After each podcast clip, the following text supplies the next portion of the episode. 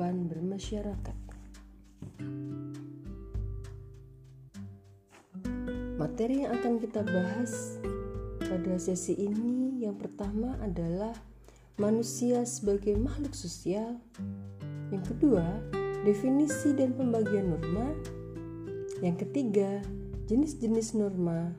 Yang keempat, fungsi norma.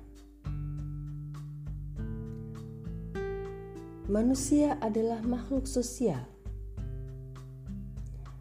Kenapa manusia disebut makhluk sosial? Karena dalam kehidupannya, manusia memerlukan orang lain dalam memenuhi kebutuhan hidupnya. Selama proses memenuhi kebutuhan hidup, perlu ada aturan. Kenapa ada aturan? Bahwa aturan itu dibuat dengan tujuan agar selama memenuhi kebutuhan hidup dapat berjalan secara tertib, disiplin. Definisi norma menurut Kamus Besar Bahasa Indonesia adalah aturan atau ketentuan yang mengikat warga kelompok dalam masyarakat di mana sebagai pendukung tatanan dan pengendali tingkah laku yang sesuai. Jadi norma itu adalah aturan, aturan yang berlaku di masyarakat.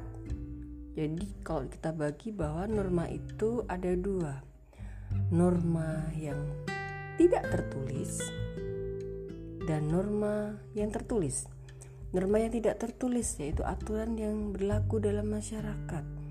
Ada norma kesopanan, norma kesusilaan itu adalah bagian dari yang tidak tertulis yang hidup yang berlaku di masyarakat.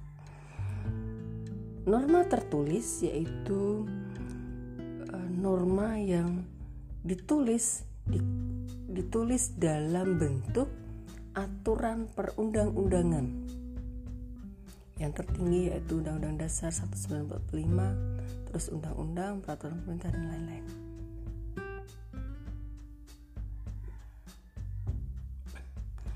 Akan kita bahas selanjutnya tentang jenis-jenis norma.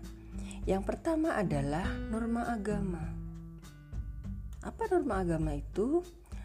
norma yang bersumber dari Tuhan Yang Maha Esa yang menjadi pedoman hidup bagi manusia.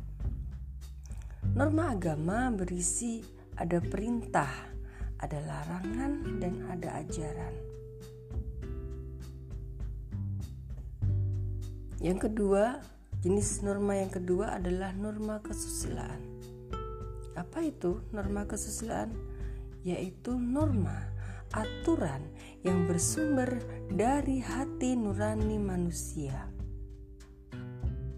Mendorong manusia untuk berbuat baik dan menghindari berbuat buruk. Itu norma kesusilaan. Sanksinya apa? Bahwa sanksi norma kesusilaan yaitu berupa penyesalan, dicemooh, dikucilkan dari masyarakat Contoh-contohnya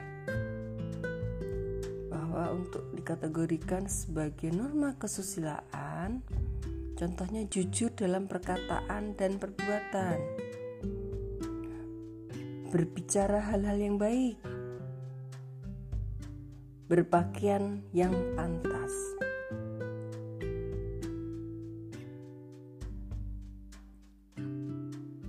Yang ketiga adalah norma kesopanan. Norma kesopanan didasari oleh beberapa hal, antara lain kebiasaan, kepantasan, kepatutan yang berlaku di masyarakat. Bersumber dari apa norma kesopanan itu? Sumbernya yaitu pergaulan manusia yang melahirkan sopan santun untuk berbuat baik. Contohnya, merendahkan suara jika berbicara kepada orang yang lebih tua. Terus contoh yang kedua, permisi jika lewat dengan menundukkan uh, badan kita.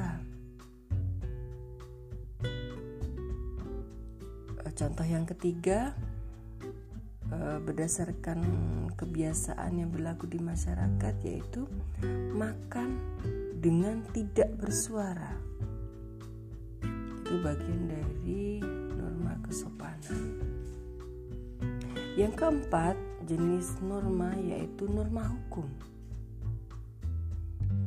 Yang disebut norma hukum yaitu sebuah aturan yang bersumber dari negara. Terus tertulis.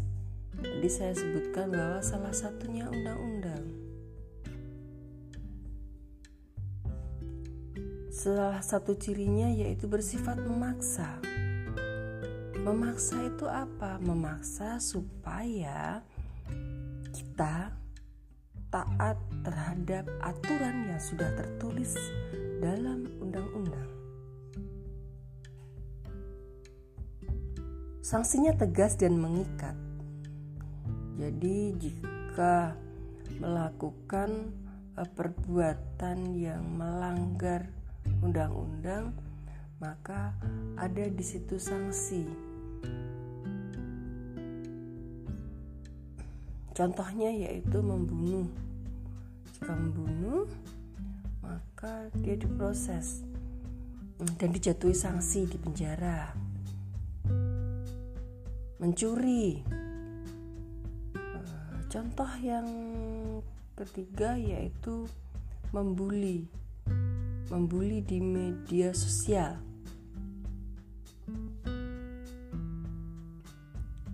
Apa itu fungsi norma? Fungsi norma yang pertama ada mencegah terjadinya benturan dalam masyarakat. Jadi aturan itu e, berfungsi supaya di dalam masyarakat itu tidak terjadi e, permasalahan, tidak terjadi eh, ribut-ribut sehingga uh, segala sesuatunya itu dapat berjalan dengan tertib dan lancar. Yang kedua yaitu menciptakan masyarakat yang aman, tentram dan tertib. Itu fungsinya norma aturan jadinya supaya manusia itu uh, mempunyai rasa aman. Yang ketiga, pedoman individu dalam menjalankan kehidupan bermasyarakat. Yang keempat, membantu mencapai tujuan bersama dalam masyarakat. Apa tujuan bersama itu? Bahwa masyarakat itu tadi disebutkan karena dia adalah makhluk sosial dalam mencukupi kebutuhan hidupnya diperlukan rasa aman, rasa tentram sehingga memang diperlukan aturan. Yang kelima yaitu mengatur tingkah laku masyarakat agar sesuai dengan nilai yang berlaku. Yang keenam, memberi batasan, larangan, perintah dalam berperilaku dan bertindak. Yang ketujuh, memaksa individu untuk beradaptasi dalam norma yang berlaku di masyarakat.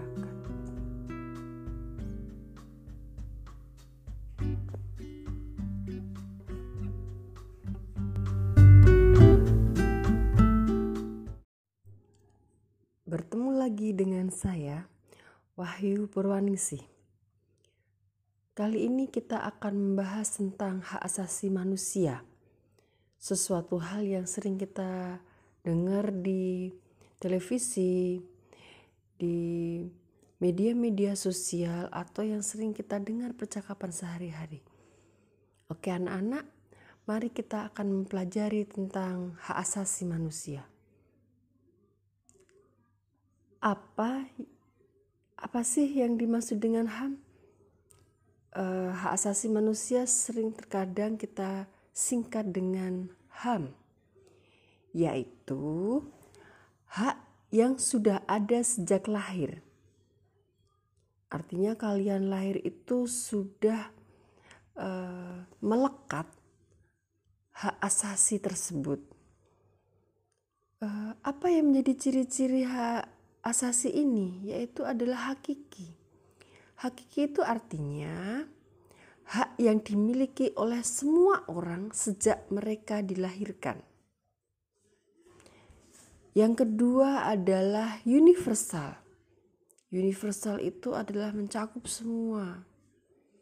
Artinya orang tidak memandang apakah dia itu kaya, miskin, agamanya apa, sukunya apa, uh, dia itu sempurna atau cacat fisik, uh, itu adalah namanya universal. Itu adalah semua mempunyai hak asasi.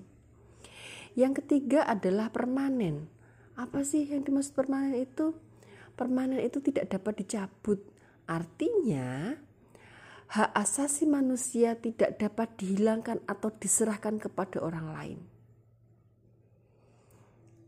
Yang keempat, tidak dapat dibagi. Artinya, semua orang berhak mendapatkan semua hak yang sudah diatur dan ditetapkan.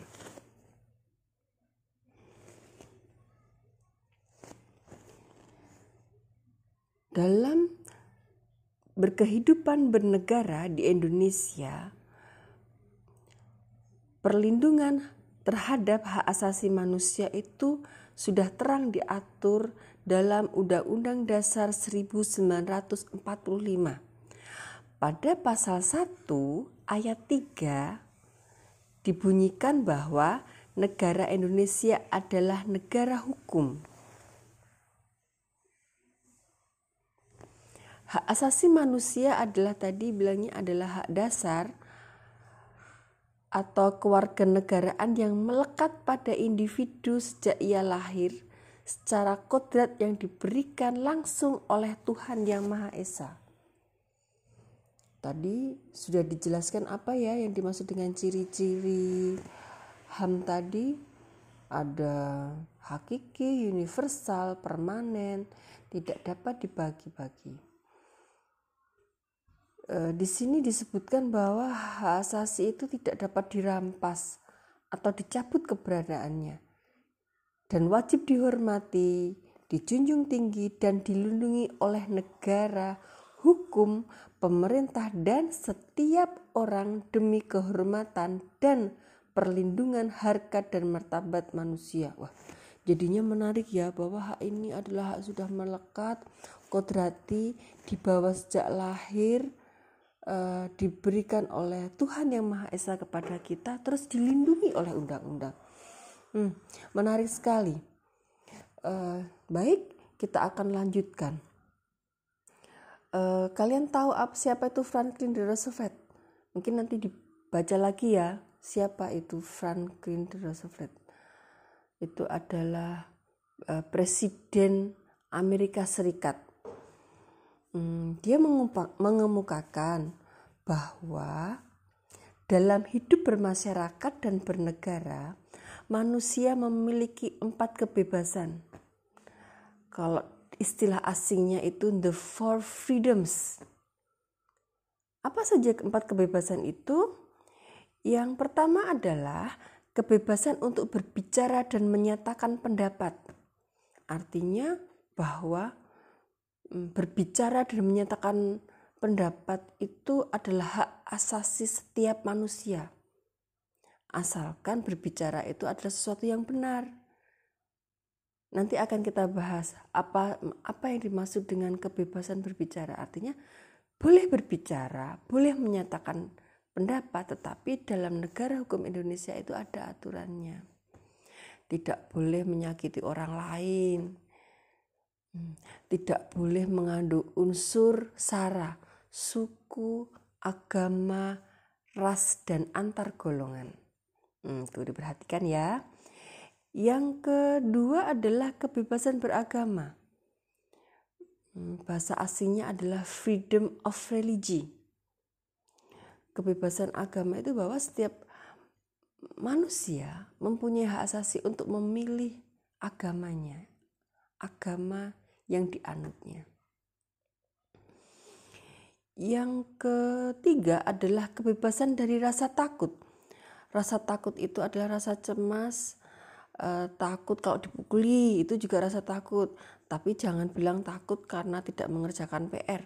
Kalau takut tidak mengerjakan PR itu karena kalian eh, tidak ada niat sendiri untuk mengerjakan PR. Jadinya waktu mau ke sekolah takut ditanya sama bu guru kenapa tidak mengerjakan. Bukan itu ya maksudnya uh, hak asasi manusia adalah kebebasan rasa takut. Uh, yang keempat yaitu kebebasan dari kemelaratan, freedom from when.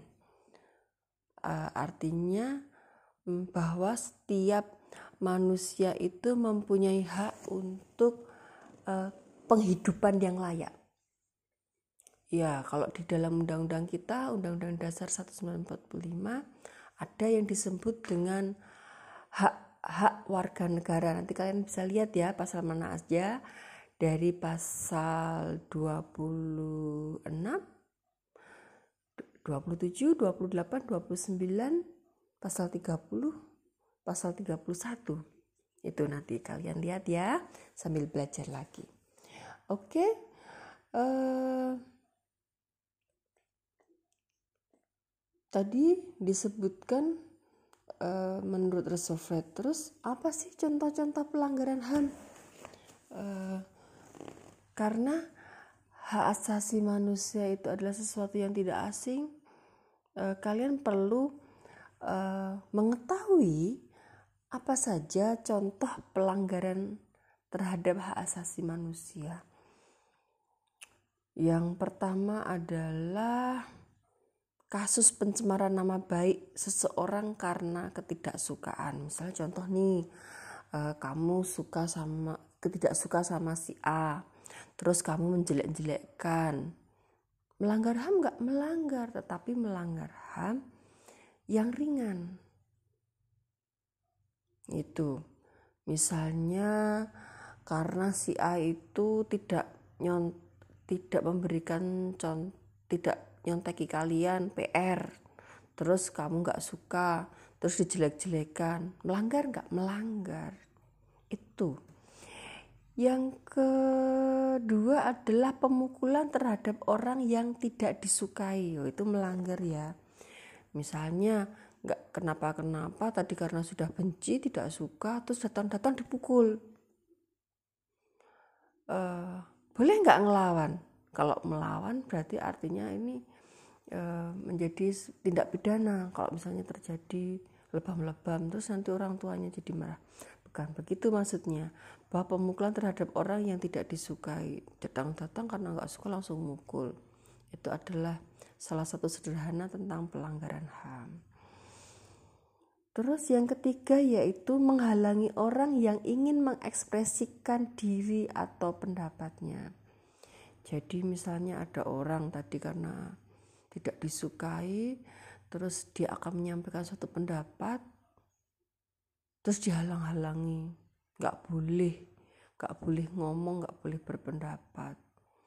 Itu nanti kalian juga akan mempelajari di butir-butir Pancasila ah, hal-hal uh, apa saja yang diperbolehkan dalam hmm, Pancasila sebagai ideologi negara dan tidak. Nanti akan kita bahas selanjutnya. Yang ke selanjutnya yaitu pencemaran lingkungan. Kenapa pencemaran lingkungan adalah pelanggaran HAM? Karena jika lingkungan kita ini rusak, berarti akan merugikan generasi yang akan datang. Contoh yang ada di Kalimantan Tengah yang hari-hari kita lakukan, kita lihat kalau musim kemarau, apa? Yaitu kebakaran hutan. Ada orang yang bakar, terus didiemin nih, sana bakar, bakar, bakar, bakar, terus jadinya apa? Ada kabut asap, terus terjadi ispa, terjadi sakit. Nah, itu artinya pencemaran lingkungan itu adalah membahayakan kesehatan orang lain uh, terus akan merusak ke, uh, sumber daya alam untuk generasi yang akan datang itu sebuah salah satu contoh dari pelanggaran HAM. Terus yang kesekian adalah penganiayaan terhadap orang lain itu termasuk pemukulan tuh. Kalau menganiaya itu artinya berat. Jadinya kenapa-napa terus dipukuli, ditendangi. Nah, kadang-kadang pemukulan terhadap orang lain itu kalau kalian dengar itu namanya KDRT. Kekerasan dalam rumah tangga. Sebetulnya nggak boleh nih. Misalnya ibu bapak sebagai orang tua mukuli anaknya. Boleh nggak? Nggak boleh. Karena anak itu adalah individu sendiri. Dia berdiri meskipun itu adalah tanggung jawab dari bapak ibu semua. Juga kalian juga nggak boleh mukuli adiknya. Karena adiknya salah terus ujung-ujung mukuli itu adalah melanggar hak asasi manusia. Terus yang kesekian adalah pencurian mencuri barang milik orang lain. Itu adalah melanggar HAM. Artinya uh, kalian adalah merampas harta uh, orang lain.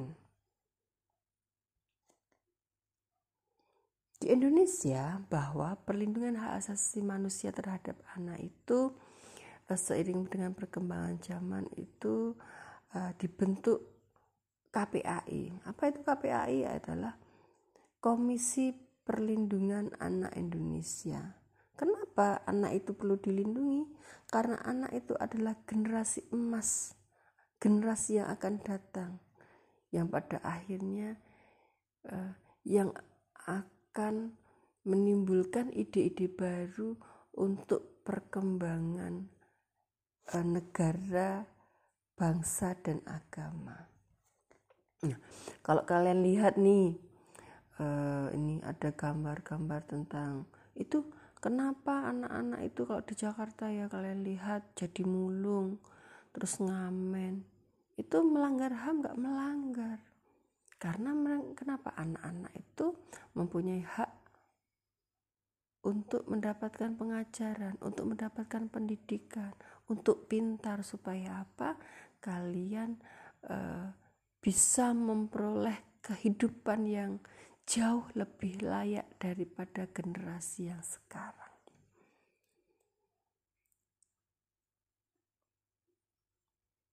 Iya, contoh lagi, kalian ngelok-ngelok temannya tentang tadi Sarah, suku agama, ras, rasisme.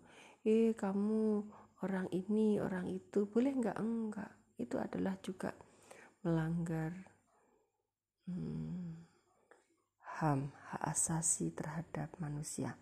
Oke, uh, begitu saja sampai di sini dulu ya. Uh, kita cerita tentang HAM, lain waktu kita sambung kembali. Terima kasih. Sekian.